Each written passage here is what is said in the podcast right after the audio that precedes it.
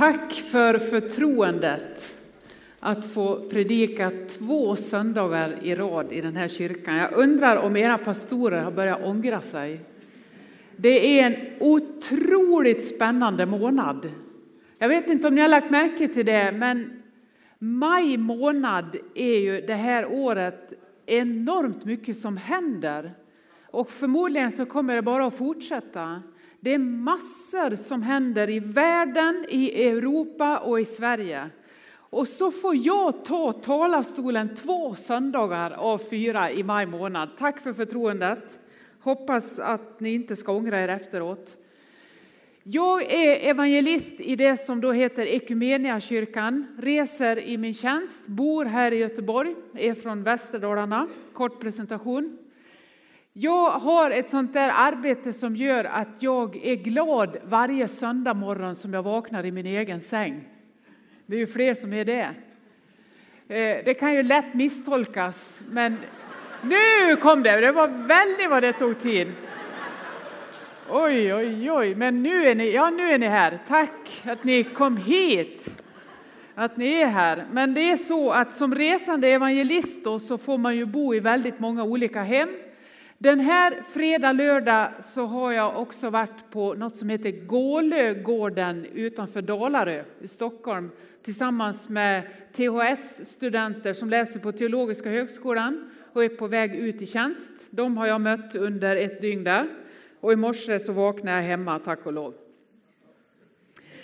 Jag har tänkt de här två söndagarna att jag ska ha teman som då går in, hoppas jag, i kyrkoåret. Det var ju fantastiska teman där också nu. Om vägen, att gå livets väg och om vägen till livet och nästa söndag att växa i tro. Och det som jag skulle vilja stanna inför är ju det här, vem är jag och vem vill jag vara? Idag i relation till min nästa och nästa söndag tänker jag försöka landa i, i relationen till mig själv. Vem är jag och vem vill jag vara? Jag sa ju att det händer enormt mycket och det som jag skulle försöka lyfta fram idag och utmana mig själv i, det har också att göra med att jag var uppe halva natten. Och jag tror att några till var det och följde Eurovision och det som hände i den. Eh, jag har försökt att lite fundera när jag kryp ner i sängen i natt. Vad var det som hände? Vad är detta? Hur ska vi förhålla oss till det som nu händer?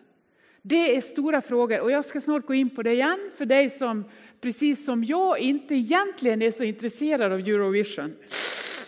För jag är inte det, men i natt hamnade jag där ändå för jag slog precis på när de började röstningen. Och så tänkte jag, jag vill gärna veta ändå hur det går och så blev jag kvar där tills det var klart och så blev det lite till för jag plockade fram mitt utkast efteråt. Och så började jag fundera över vad är detta och vad är det som sker. Det finns en ståuppkomiker som heter David Batra. Han bor i Skåne. Han eh, reser mycket med en som heter Johan Glans och vi kan höra och se honom i olika, till exempel på tv går det någonting nu som heter Jättebästisar. Eh, där finns han med. Han har gjort många sådana här egna uppträdanden och eh, kvarteret Skatan som ingen här känner igen, men som då jag känner igen. Där är han med. David Batra han har skrivit ett par böcker också. Och en av de böckerna heter Den som inte tar bort luddet ska dö. Väldigt uppbygglig bok. Eh, det är en sån där som man helst ska ha med sig när man går till tvättstugan och man tvättar tillsammans med andra. För det har att göra med lapparna. Han samlar in lappar från olika människor och så får man skicka till honom plus att han själv springer runt och fångar in dem. Sådana där elaka lappar i offentliga lokaler. Ni vet när vi inte pratar med varandra utan vi skriver lappar istället. För då är vi riktigt arga och så vill vi verkligen få fram ett budskap. Då skriver vi en lapp. Sådana har han samlat ihop i en bok som heter Den som inte tar bort luddet ska dö. Den har jag hemma, tog inte med mig den idag tänkte att det kanske inte behöver, men jag ska dra en poäng ifrån den boken. För nämligen så att i den boken så kan det till exempel vara en lapp då där det står eh, Ställ inte cykeln här, ställ den istället istället. Till exempel. Det är en bra lapp. Eh, som ligger där, som han då har fått. En annan lapp den kan vara så här. Om du undrar varför inte din bil startar idag så beror det på att du har haft lyset på hela natten och det har lyst in i vårt sovrum. Det kan vara en sån lapp. Ehm, en annan sån lapp kan då vara den här. Den som inte tar bort luddet ska dö. Bara för att stanna vid den lite till för, för er som inte riktigt hängt med på den. Den kan då stå i en tvättstuga och då handlar det om att man ibland måste ta bort luddet när man torktumlar eller ni vet det här Eh, för att det, det, samlas lite där och så slarvar folk med det. Så när jag kommer till tvättstugan och det står en sån där lite elak lapp, den som inte tar bort luddet ska dö, så hjälp, nu gäller det att jag gör rätt. Den, en till lapp, kanske den allra viktigaste i min poäng med den här berättelsen. Den är på en arbetsplats, ungefär som några av er har när man har ett pentry. Och i det pentryt så ställer folk ifrån sig sin disk, sina muggar. Det finns ofta en diskmaskin där det finns en magnetlapp och på ena sidan står det diskat. Och när man vänder på den så står det odiskat. Och då betyder det att man ska plocka ur det som är diskat när det är så och sen fylla på med odiskat när det står så. Ganska logiskt. Men så står det en lapp, oftast rakt fram så här.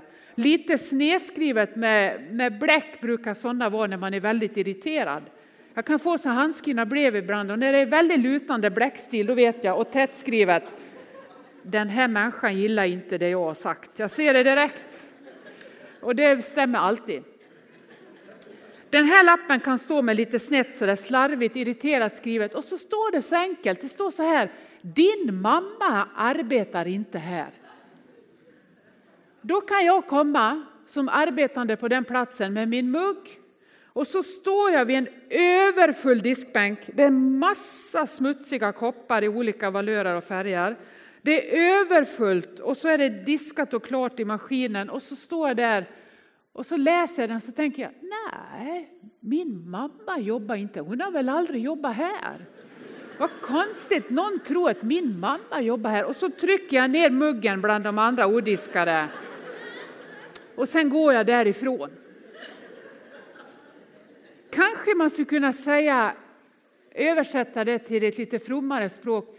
Det kan likna det vi ibland kallar bokstavstroende. Jag läser precis allt som står på raderna, men jag läser ingenting emellan dem. Utan då kan jag säga, så här står det, så här är det, det här är rätt, det där är fel, det där är svart, det där är vitt. Kan inte ni se? Det står ju precis till. Ja, men om du, så här är det.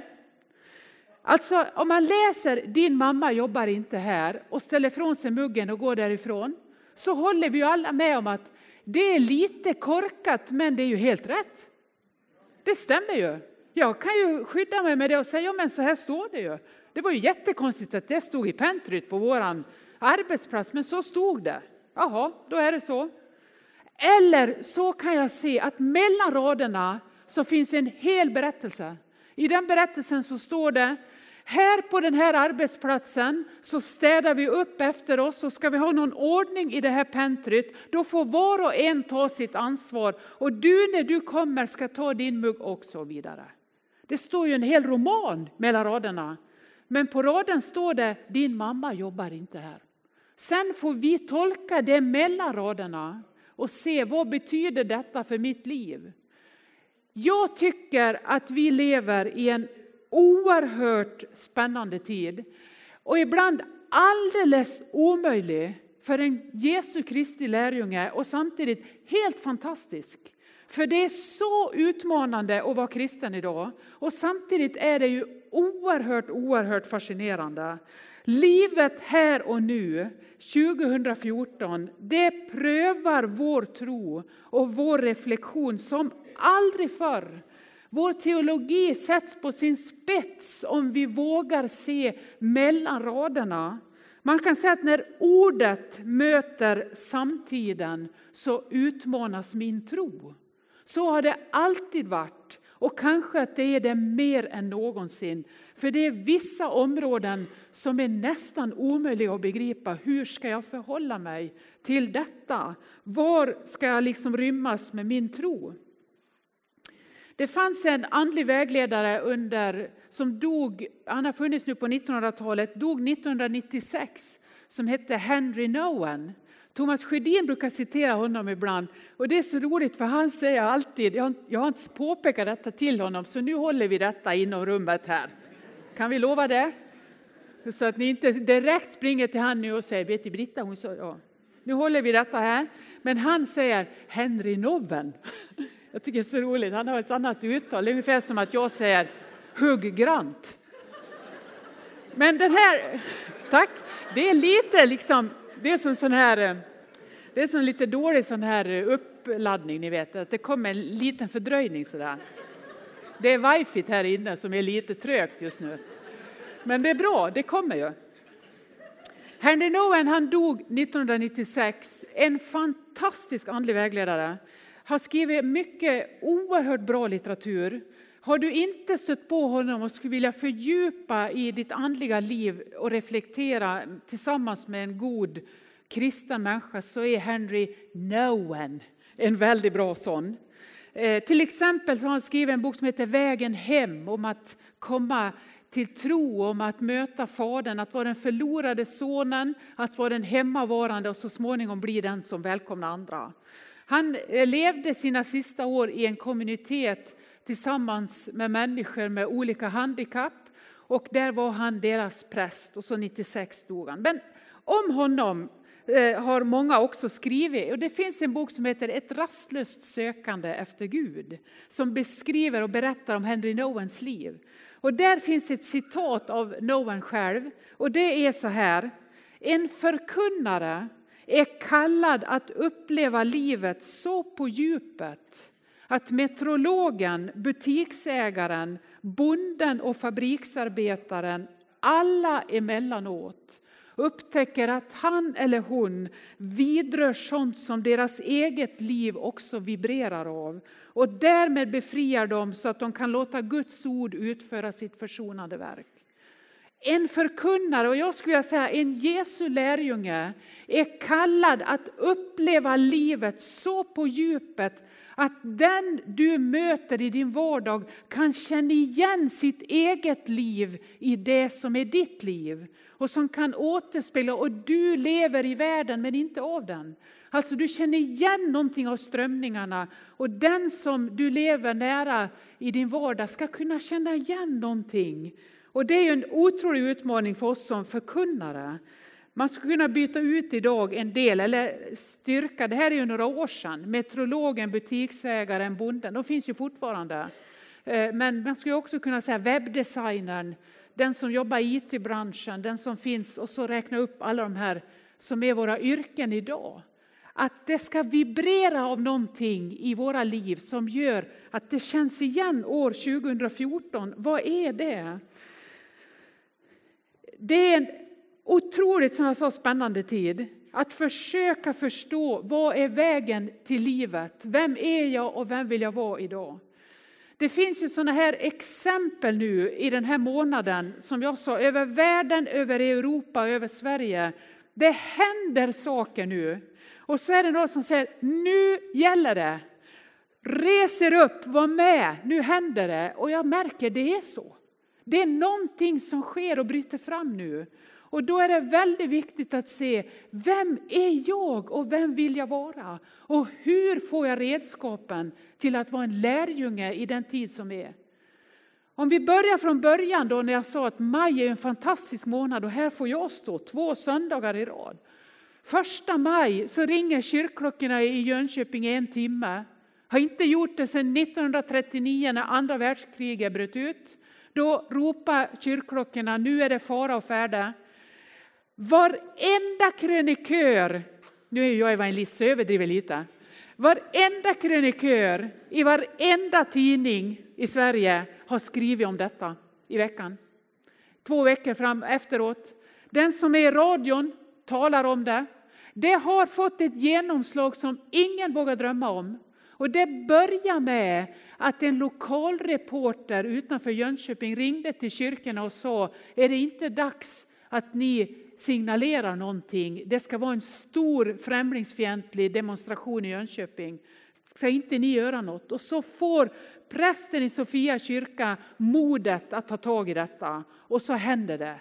Och så ringer de i en timme och man firar gudstjänst ett kvarter ifrån den andra marschen. Ni har följt detta, flera av er. Och så går det ut i sociala medier, i de här internetkanalerna, på Facebook, Twitter, ett flöde, ni vet man kan inte räkna upp allt. Och en hel del begriper vi inte, men det går ut på några sekunder, sånt som folk tycker är viktigt. Och så delar man det med varann. Och så blir det ett enormt tryck av det. Det här delas hela tiden. Och så gör vi stora utropstecken efter, många av oss, förhoppningsvis de flesta, och tänker äntligen, äntligen, äntligen. Kanske några reagerar annorlunda, men de flesta känner nu händer det. Och då står man mitt i det. Jag lyssnar på till exempel Människor och tro förra söndagen.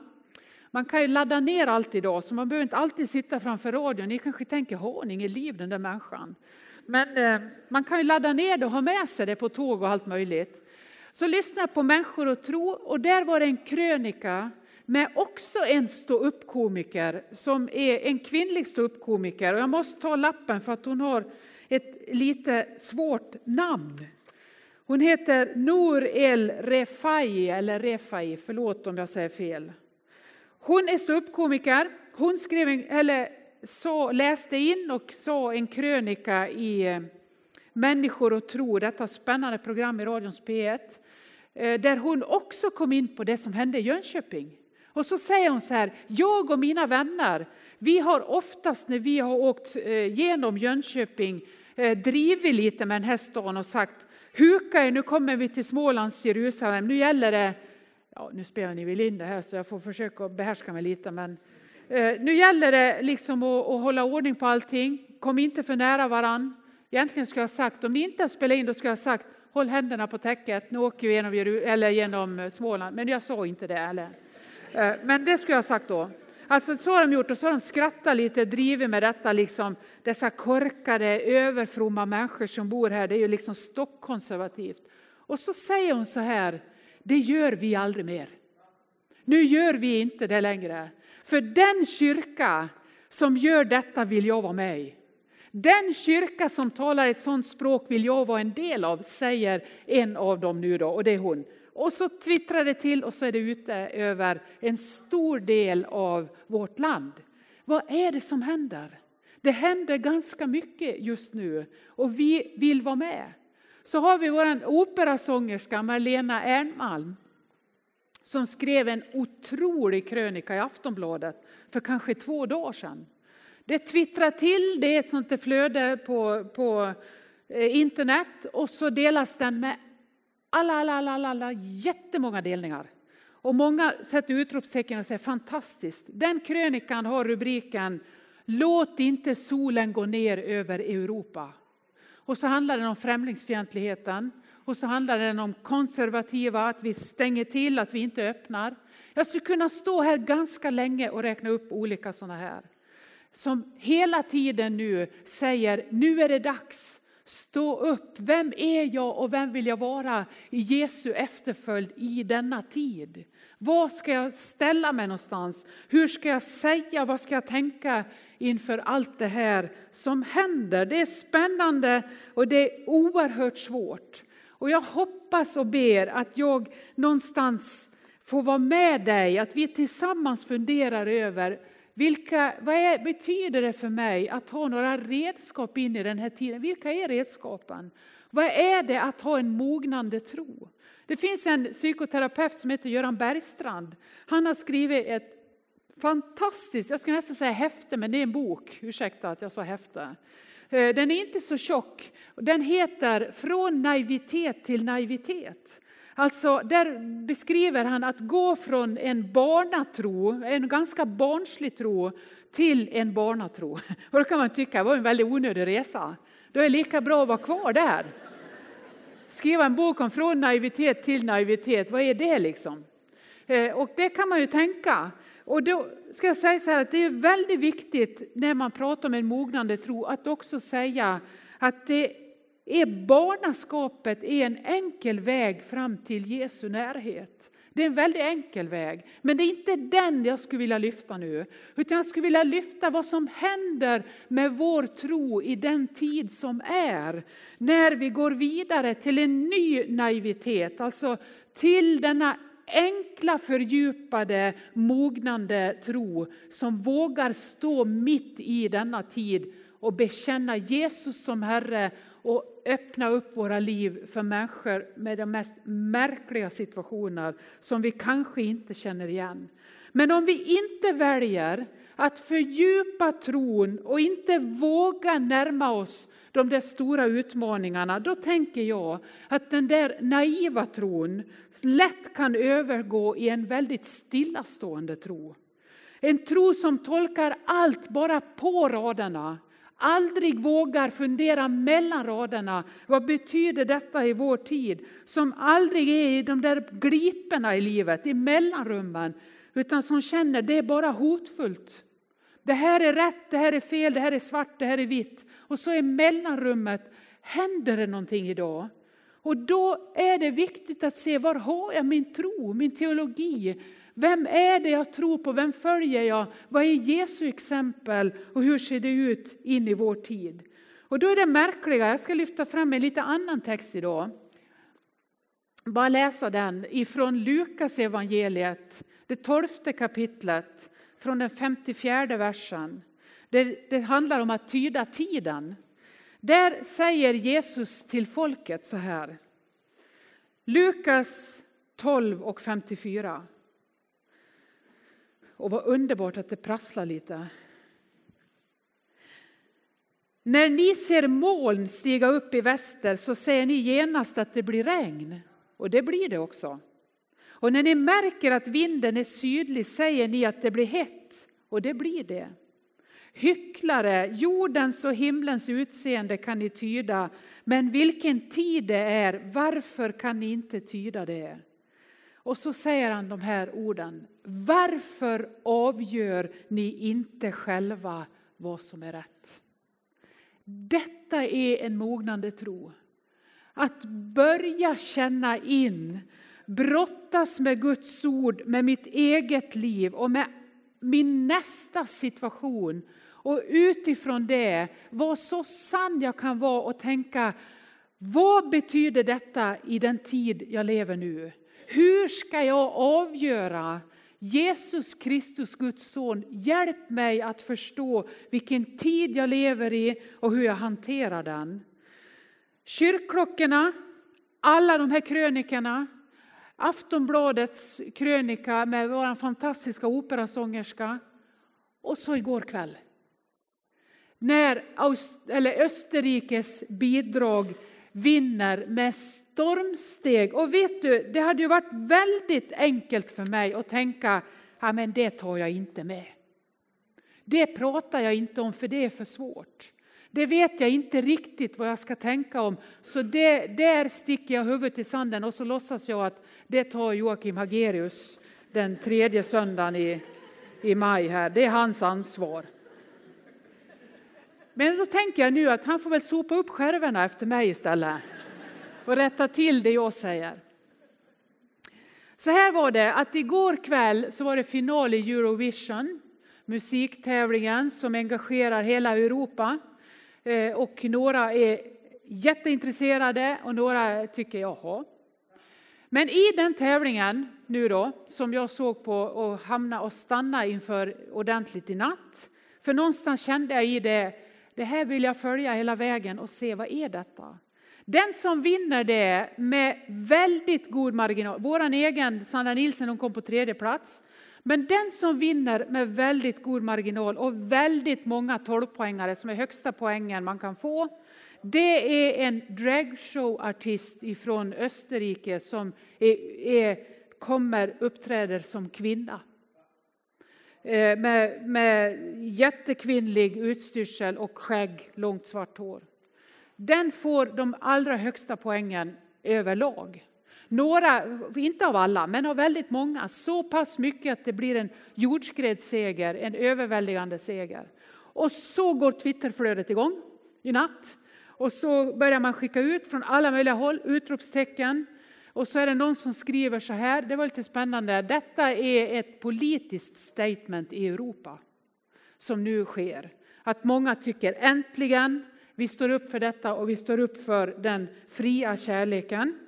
Och den sången som då hon, han vill då kalla sig hon i detta, sjunger heter Rise like a phoenix, som fågeln Fenix, stå upp som fågeln Fenix. Och så börjar jag fundera, vad är det? Vem är fågeln Fenix? Och fågeln Fenix är ju en mytologisk gestalt som dör i askan och ur den askan så återuppstår en ny. Att hela tiden stå upp igen.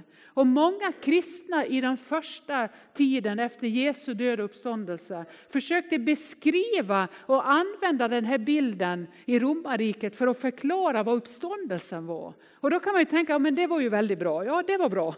Men så är det ju också så att mytologiska gestalter används i mycket annat också. Så jag vet inte riktigt. Jag har försökt att, att kolla lite på nattkröken, men jag tänkte jag måste hit och predika idag så jag får inte fördjupa mig för länge.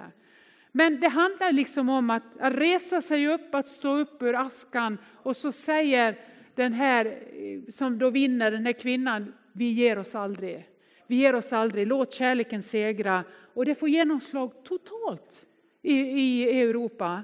Och då känner jag så här, här finns en utmaning till dig och mig. Varför avgör ni inte själva? Ja, för att det är så oerhört svårt.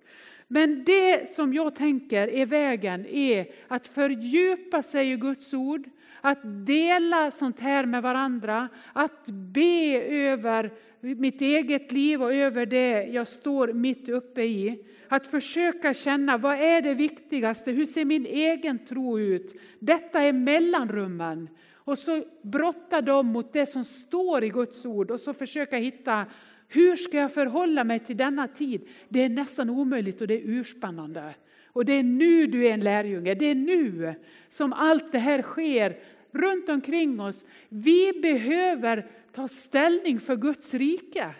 Och vad innebär det? Ja, brottas med det i ditt eget liv. Utmanas av Jesu ord. Varför avgör ni inte själva? Det finns en podcast som heter Värvet som eh, är, är med Christian Triumf, alltså man kan ladda ner det som ett radioprogram men via internet. Där han intervjuar massor av, av människor, har hundratals intervjuer. Jag tror jag lyssnar på nästan alla. Det är några jag har missat i början. Annars så brukar jag ofta lyssna på dem. Vid ett tillfälle hade han Gudrun Schyman där. Och det är ju så här att i, i Sverige idag så ser vi att de som ökar markant i den politiska kartan, det är Fi, det är det feministiska initiativet med Gudrun Schyman i spetsen. Vet ni vad som är hennes koncept? Det är det vi redan har haft så länge. Det är husmöten. Det är husgrupper. Hon får runt till människor hemma, kokar kaffe, äter kakor och så berättar de om den här politiken och så får det sånt genomslag. Det är den som kanske man ser allra mest nu liksom kommer fram. Mycket bra åsikter, en del tycker jag inte om, precis som vi tycker med allting. En del tycker vi om, annat tycker vi inte om. När den här Christian Triumf samtalar med henne så pratar de också om främlingsfientlighet. Och hon pratar om alla andras tystnad och nu kliver vi fram. Och då tänker jag, vi ska kliva fram också med Guds rike i vår tid. Vi ska kliva fram med budskapet om kärlek, med budskapet om överlåtelse, om ett, att vara jordens salt, att vara en fri människa, att leva i det som är sant. Vad nu det innebär, men det är där som vi är kallade. Följ mig, säger Jesus. Och så säger Kristian Triumf så här, när många av de här fientliga rörelserna säger vi stänger gränserna så vill ju vi öppna när de säger stänger så vill vi öppna. Och då säger hon, ja det är precis så det är. Och jag sitter vid min lilla eh, inlyssning och säger, ja vi vill öppna. Och när hon, eh, den här ståuppkomikern som hade en krönikan säger, det här är en kyrka jag vill vara med i, då säger jag, ja det är det. Och så tittar jag på Eurovision och så tänker jag, var går gränsen? Hörrni, jag har inget svar på det. Men jag tycker det är viktigt att få säga det. Var går den gränsen? Finns det en gräns? Jag kan inte svara, men det är klart att några gränser finns det, men jag vet inte idag var de går. Därför så kan jag välja att sticka huvudet i sanden och tänka, nu går jag vägen till livet, halleluja, och min mamma jobbar inte här, tack och lov, och så går jag på. Eller så kan jag tänka, gode Gud, jag vill vara din idag. Det är nu jag lever. Jag vill vara med. Får jag ge dig ett exempel till innan jag säger amen? Som är några år tillbaka, lite på samma tema, för det är det som reses upp idag. Det fanns en film som gick på mitten av 90-talet som hette Schindlers list. Som handlar om Oskar Schindler som under andra världskriget räddade massor av judar undan koncentrationsläger och förintelse. Oskar Schindler var affärsman i Tyskland, han var tysk. Han var en riktig playboy. Han var tät, han hade mycket pengar. Och han i hela sitt sätt att vara, var, eh, han tillverkade vapen, det var det han eh, gjorde sina vinster på. Och allt det som han stod för skulle förmodligen jag idag i mitt präktiga liv rynka på näsan åt och säga, det var inte bra tillverka vapen som de har i andra världskriget, hålla på så där i alla de här nazistiska festerna. Vem är den där egentligen? Och så finns det en dubbelbottnad i det här Schindlers list. Alltså listan, han hade en lista där han skrev upp arbetare till sin vapenfabrik och där plockade han in de judiska människorna som var på väg mot koncentrationslägren. Och samtidigt kan ju vi på svenska tänka att det finns en annan botten, att han var listig. Alltså han levde i det sammanhang som var hans och utifrån det så använde han sina resurser. Så när kriget var slut var fabriken full av människor av judisk härkomst där vissa var bra på att arbeta, andra kunde inte. Men han har lyckats trixa in allihop. Och nu ska han fly när kriget tar slut. Och då samlar de här arbetarna ihop eh, allt guld de har och så gör de en ring till honom. Och så i den ringen så skriver de från Talmud, judarnas egen bönebok, ett citat som är så här. Den som räddar en människa räddar hela världen. Och så ger de Schindler den ringen, trär den på hans finger. Jag vet inte om du har sett det här. Det är en oerhört stark scen. Och så ska han fly för sitt liv. Då bryter han ihop totalt. Han börjar storgråta och så säger han så här. Jag kunde gjort mer. Jag kunde gjort mer. Jag kunde räddat en människa till. Om jag hade sålt den här bilen jag ska fly nu, då hade kanske två människor till blivit befriade. Och så började han räkna upp allt han kunde ha gjort, storgråtande, när han såg jag kunde ha gjort någonting mer. Han var helt förtvivlad. Och så säger de, nej men ser du inte vad du har gjort? Du har ju räddat alla oss. Och på grund av att du har räddat oss så har du räddat flera generationer framåt. Tack Oskar Schindler för vad du har gjort. Och han bara gråter.